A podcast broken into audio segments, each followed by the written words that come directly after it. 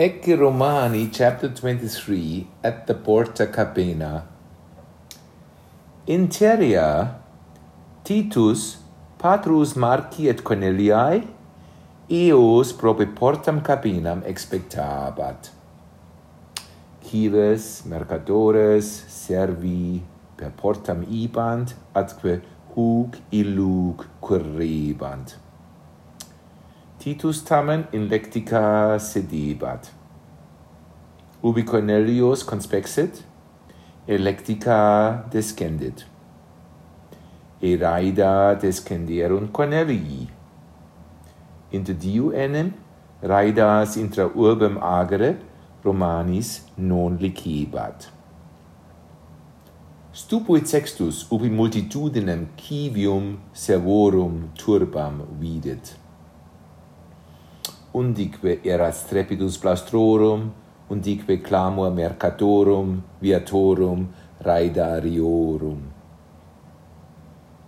Titus, Cornelium et Aureliam et liberos, maximo cum gaudio salutavit. Quam laetus, inquit, vos omnes excipio, nonne estis itinere defessi?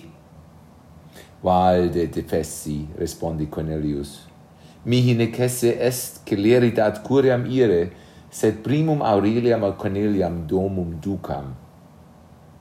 Ita vero, inquititus, ecce lecticari, quos vobis conduxi, vos domum ferent. Ego puros curabo, multa et mira videbum puri, atque ego omnia eis explicabo. Itaque per vias urbis lecticarii patrem matrem filiam Cyriarite domum tulerunt.